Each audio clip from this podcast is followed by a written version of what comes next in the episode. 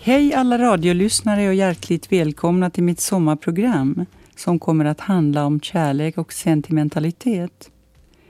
Det finns en hel del att säga om båda dera, men jag tänkte börja med statsreglerad kärlek och det underliga i att Finland inte lyckats få ihop en vettig lag om samkönat äktenskap. Nu tror jag inte att äktenskap har ett dugg med kärlek att göra. Men det är ett arrangemang som garanterar den största möjliga trygghet inför lagen. Och det finns många som av olika anledningar behöver gifta sig. Oftast handlar det om bostadslån eller om migration från ett land till ett annat.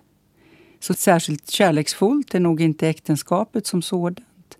Men praktiskt för väldigt många så länge lagarna ser ut som de gör. Jag som talar heter Tina Rosenberg och jag arbetar som rektor för Konstuniversitetet i Helsingfors. Jag har ett länge varit borta från Finland och har en del att säga om det jag ser efter så många års frånvaro från hemlandet. Men låt oss för en stund återvända till mitt kärlekstema. Finlands nuvarande lagstiftning eh, försätter människor i en ojämlik situation. Endast heterosexuella par tillåts ingå äktenskap. Par som registrerat partnerskap har samma skyldigheter som gifta par men inte samma rättigheter. En könsneutral äktenskapslagstiftning skulle ge alla som så önskar samma rättigheter inför lagen. Men om vi för en stund glömmer lagen och den statsinriktade regleringen av kärleksrelationer kan vi lyssna på Sara Leanders gamla slager Kan den Liebe Sünde sein? Alltså kan kärlek vara synd.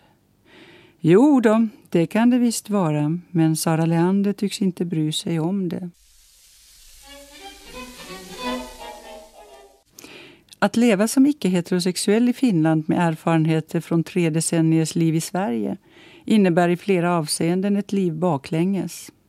Här använder jag medborgarinitiativet för en könsneutral äktenskapslagstiftning som exempel. Men det finns en hel del annat också. Medborgarinitiativet för könsneutralt äktenskap samlade förra året 166 851 underskrifter för att få finska riksdagen att ta upp frågan till diskussion. Målet med initiativet var att samkönade par skulle få rätt att ingå äktenskap. På så sätt skulle steget till ett mer jämlikt samhälle tas. Men trots att den finska riksdagen har haft flera tillfällen att ta upp frågan har detta inte skett. Senast var frågan upp till diskussion i justitieutskottet den 25 juni. Men då röstades förslaget att föra lagförslaget vidare ner. Nu måste jag nog ta Sara Leander till min hjälp igen. Slagen Kan den Liebe sein, som vi redan hörde, tonsattes till filmen Der Blaufuchs från 1938 men blev genom åren en populär sång för många homosexuella på grund av dess tema kring kärlek och synd. Leander, som under efterkrigstiden utvecklades till en omhuldad gaydiva, gjorde slagen till sitt emblem och frågade då gärna publiken om kärlek, ja, egentligen menade hon sex, verkligen kan vara synd. Då svarade den samlade publiken nej och det var underförstått att med kärleken i detta fall menades homosexualitet. Det roliga är att en annan slager, Und wenn's auch Sünde var, och om det var synd, var skriven av Bruno Baltz, som själv var gay. Och eh, den förstärkte effekten mellan kärlek och den förmodade synden. Den här låten söker ingen acceptans hos en majoritetsbefolkning utan konstaterar njutningsfullt att om det vi gjorde i natt nu var synd så var det helt enkelt underbart. Ingen ånger här inte. Och varför skulle man be om ursäkt inför oförstående riksdagskvinnor och dito män? Många har väl inte sett så mycket av världen utanför sina hembyar och småstäder där de gift sig, tagit bostadslån, alstrat lagom många barn och försökt stå ut med sina dödstrista liv för att sedan hamna i finska riksdagen där de varken förstår sig på samhället, mänskliga relationer eller än mindre på mänskliga rättigheter. Låt oss alltså höra den gudomliga Sara tala om hur härligt det är att få vara utom räckhåll för den finska riksdagen.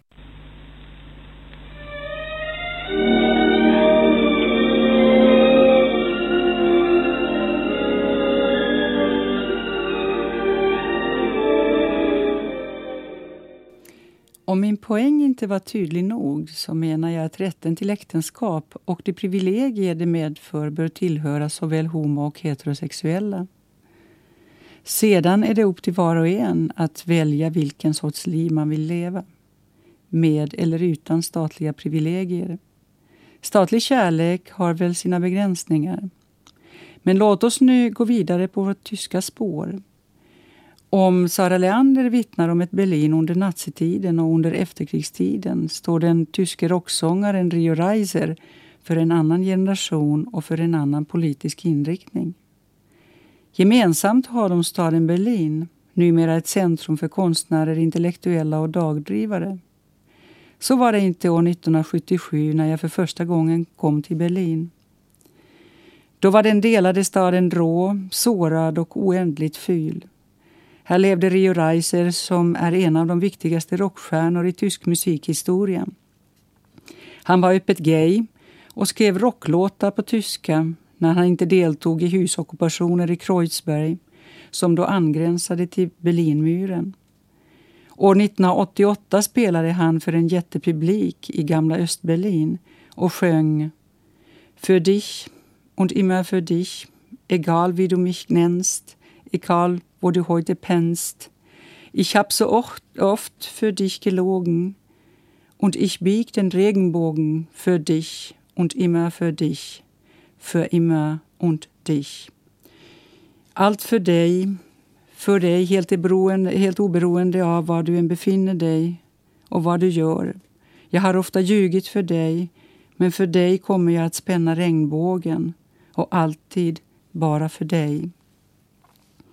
Jag tror inte att Rio Reiser brydde sig ett skvatt om äktenskapslagstiftning. Den känslan han förmedlar kommer alltid att smälla högre än justitieutskottet. Från Berlin till Österrike och till Franz Schubert. Från den finska riksdagen till obotliga romantiker och sentimentalister. För sentimentalisten tillhör Schuberts lider standardrepertoaren. Det finns nog ingen musik som stryker den sentimentala själen så medhårs som Schuberts musik. Lyssna här. Leise fliehen meine Lieder durch die Nacht zu dir. Tyst flyr mina sånger till dig genom natten.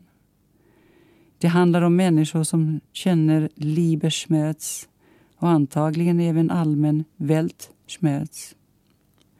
Det sägs att Franz Schubert tillhör tonsättarna på gay-sidan av den historiska garderoben och att han var marginaliserad och missförstådd i Wien. I den andra satsen av hans ofullbordade symfoni har musikvetaren Susan McCleary velat läsa in en antydan om homosexualitet. Det behöver förstås inte innebära att Schubert var homosexuell. Men det är intressant att lyssna och sjunga hans kärlekssånger. Detta undvikande av könsspecifika personpronomen och alla nattliga svärmerier. Det finns också många pärlande bäckar och foreller i hans sånger i likhet med övrig tysk romantisk poesi. Hur det nu än förhåller sig med detta kan vi njuta av Schuberts serenad Ständchen. Visst är det ljuvligt med detta smekande av pianotangenterna. Man borde kanske ha spelat lite Schubert för medlemmarna av justitieutskottet i den finska riksdagen för att de skulle ha kommit i bättre stimmung inför beslutet att inte gå vidare med lagförslaget om den könsneutrala äktenskapslagen. Hur kan Finland geografiskt sett ligga så nära Sverige och mentalt så långt borta? Det är en fråga som jag ofta ställer mig, i synnerhet i situationer då förtvivlan sätter klorna i mig och jag inser att konservativa människors moralvärderingar sitter hårt som berg. Skillnaden mellan Sverige och Finland finns i det offentliga samtalet och i det sätt på vilket dessa samtal förs. Det finns ingen tvekan om att Sverige känns öppnare och mer modernt. Jag kan inte begripa att Finlands opinionsbildare inte kan få igenom lagen om könsneutralt äktenskap. Det är upprörande, men uppenbarligen är styrkeförhållandena i den finska riksdagen inte riktigt vad de borde vara. Jag vill dock påpeka att jag försvarar rätten till äktenskap, inte äktenskapet i sig. Giftermål förknippas vanligen med lycka, men feministiska teoretiker har länge kritiserat lyckobegreppet. Är lyckan verkligen så eftersträvansvärd att det används i stort sett alla till, till bud stående medel för att få uppleva denna sällsamma och sällsynta känsla? För visst handlar det om hur lycka definieras. Den feministiska teoretikern Sara Ahmed menar att definitionen av lycka är begränsad, normativ och dessutom ofta kopplad till konsumtion, rätt sorts bostad i rätt stadsdel, för att då inte tala om äktenskap och kärnfamilj. Och vips, då är lyckan där. Men i det ögonblick då lyckodrömmar får styra glömmer vi lätt att alla människor inte har samma tillgång till den. Hur kul är det att exempelvis utsättas för diskriminering? Ja, då kan det vara lite svårt att uppleva lycka. Det är alltså dags att återerövra lyckobegreppet. Tänk dig en dag då du bara slår dank och upplever såväl närvaro i den situation du befinner dig i samtidigt som du också kan gå omkring och längta efter den du älskar. Ibland är längtan små blå blommor, mycket ljuvligare på lite avstånd. Den äkta sentimentalisten formligen badar i tårdränkta känslor när hen går omkring och längtar. Det betraktas som lite skamligt att ha nära till tårar, i synnerhet om det handlar om män. Men gråt är en katarsisk känsla. Det innebär att själen behöver rensas mellan varven. Då är det riktigt välgörande att ägna sig åt romantiska filmer och lyssna på romantisk musik. Men lyckan är inte bara ett begrepp som lockar oss att tänka i andra banor än de kritiska. För att återkomma till diskussionen om kärlek och äktenskap. Livets mening är trots allt ett gott liv för hela mänskligheten. Den kritiska diskussionen om lycka handlar om den normativa definitionen av lycka. Men det de flesta av oss längtar efter är någon att dela livet med. Det innebär inte att man inte kan vara singel eller dela sin tid och kärlek med flera utan snarare om just att få känna sig lycklig och tillfreds med livet. Visst, förälskelsefasen gör de flesta lite avskärmade från verkligheten då den stora känslan bara tycks växa från dag till dag. Men i allmänhet nyktrar människor till och kan omfatta även resten av världen. Det finns även de som lyft fram de negativa känslorna som ilska och bitterhet. De kan förvisso leda till betydelsefulla insikter men visst är det så att vi trivs bäst med folk som omfattar världen kärleksfullt och med respekt. Det är därför viktigt att de folkvalda i parlamentariska församlingar förstår vad de fattar beslut om. Vilka är de argumenten mot könsneutralt äktenskap? Att äktenskap är en helig institution, att den endast tillkommer kvinnor och män, att barnalstring endast bör ske i heterosexuella sammanhang och så vidare. Men låt oss fundera ett tag på vad äktenskap egentligen handlar om. Äktenskap handlar framför allt om ägodelar. I de civilisationer där institutionaliserade kärleksrelationer förekommer har de i allmänhet haft väldigt lite med kärlek att göra. Resonemangsäktenskap och olika formella finansiella transaktioner där framförallt kvinnor är handelsvaror utgör normen i äktenskapets historia. För fattiga det hade handlat om att två klarar sig bättre än en och för de besuttna har frågan om ägodelar och arvsrätten varit det centrala. Alla som läst, äh, läst Jane Austens romaner vet vad det innebär att vara en kvinna i tid eh, då äktenskapet var den enda vägen till försörjning för de mer besuttna samhällsklasserna. Ty arbetarkvinnor har det alltid funnits. Kvinnor som skyrat, tvättat, lagat mat, slitit i fabrikerna och bundit sina småbarn i sängar medan de var på jobbet. De längtade också efter kärlek, men hade sällan råd med den. Trots att sambolagstiftningen blivit allt bättre ger äktenskapet fortfarande bättre skydd för barn, skatteförmåner och bättre pension. Av migrationsskäl är det också viktigt att gifta sig för att den älskade ska få komma hit. Och även då är det svårt att bli medborgare i vårt hemland. Det är alltså inte äktenskapet i sig som är det attraktiva i detta sammanhang utan det lagskydd och, och de privilegier det ger. Eftersom jag inte är troende har jag svårt att se något heligt i en ekonomisk allians men inser att äktenskapet är nödvändigt eller åtminstone eftersträvansvärt för många. Med kärleken har äktenskapet dock mycket litet att göra. Kärlek trivs bäst i frihet, men det rör sig inte om någon abstrakt frihet utan en frihet att få älska och älska med en annan människa oberoende av kön. Sophie Hawkins sjunger nu om känslan att få gå till sängs och känna sig lycklig när man vaknar på morgonen. Det är väl ändå något som även den finska riksdagen kan tänka sig att unna sina medborgare. När vi nu talat om kärlek och äktenskap är det dags för de riktigt stora känslorna, nämligen den försmådda kvinnans förtvivlan och hämndbegär.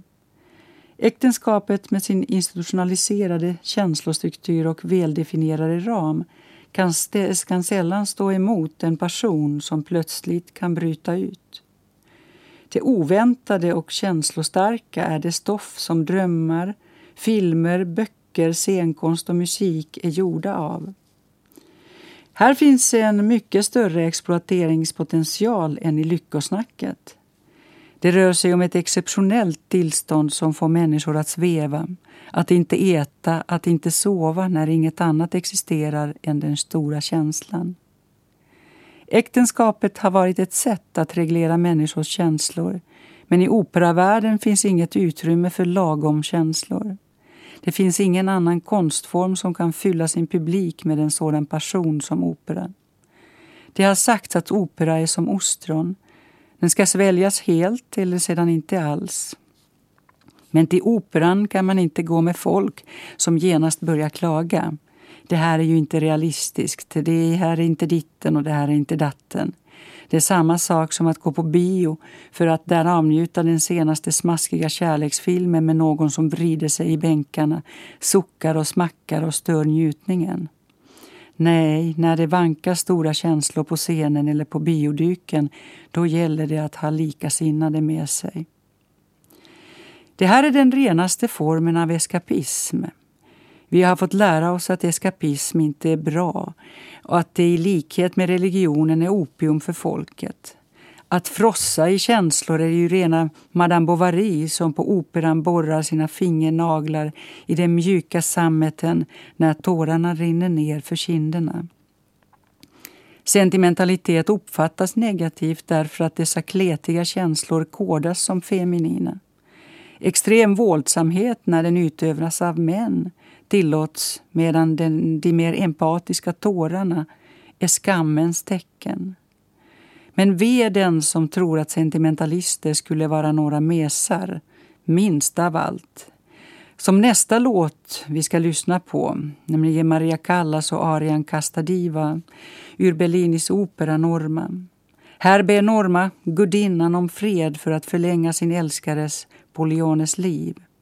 Än så länge finns det hopp för relationen men längre fram i operan överger Polione Norma. Lyssna på kraften i rösten. Jag vet inget vackrare och starkare än den mänskliga rösten. Maria Callas var en legend och hade ingen vacker röst i traditionell mening. Men vem vill ha traditionell skönhet när rösten bjuder på dramatiska toner.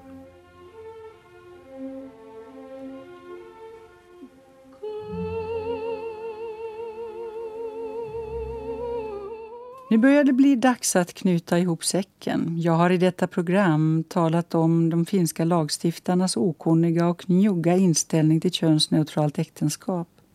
Men staten kan ändå inte hindra människor ifrån att älska varandra och älska med varandra. Äktenskapet är inte ett mål för alla men det finns förstås de som gärna skulle vilja gifta sig av en eller annan orsak. Om någon av er händelsevis planerar ett bröllop har jag bara ett råd att ge. Välj inte den populära bröllopsmarschen ur Wagners opera Lohengrin, Treulich geführt, zieht dahin. Lohengrin och Elsa gifte sig men får aldrig varandra. Lohengrin är som opera en fruktansvärd grym historia om den villkorslösa kärleken. Men detta till trots spelas den ofta vid bröllop. Det kan inte finnas ett värre omen för ett liv tillsammans än Treuliche Führt. Operan slutar med en katastrof och det är väl inte meningen med äktens att äktenskapet ska göra, eller? Människor vill ha mening i sin tillvaro. När allt annat rasar består de mänskliga relationer som vi ömt vårdar och brytt oss om. Gaykulturen kallades förr för familjen eftersom många blivit utkastade och övergivna av sina egna familjer. Då blev vänkretsen den valda familj där livets glädjeämnen och sorger delades med varandra. Staten svek homosexuella under aidskrisen då rörelsen internationellt organiserade sin egen sjukvård och generellt sett finns det en berättigad misstänksamhet mot stat och lagstiftning av den anledning att de som sitter i parlamentariska församlingar sällan representerar oss som grupp. Även i vår lilla avkrok kallad Finland kommer parlamentarikerna så småningom att fatta att vi lever i moderna tider. Året är 2014 och en nation som inte tar hänsyn till alla medborgare ligger så småningom illa till. Jag, Tina Rosenberg, vill tacka alla radiolyssnare som lyssnat på mitt sommarprogram. Solen skiner utanför Radiohuset i Helsingfors och än är sommaren kvar hos oss här i norr. Ha en skön augusti med tanke på det Tove Jansson skriver i höstvisan. Skynda dig älskade, skynda att älska. Dagarna mörkna minut för minut. Tänd våra ljus, det är nära till natten. Snart är den blommande sommaren slut.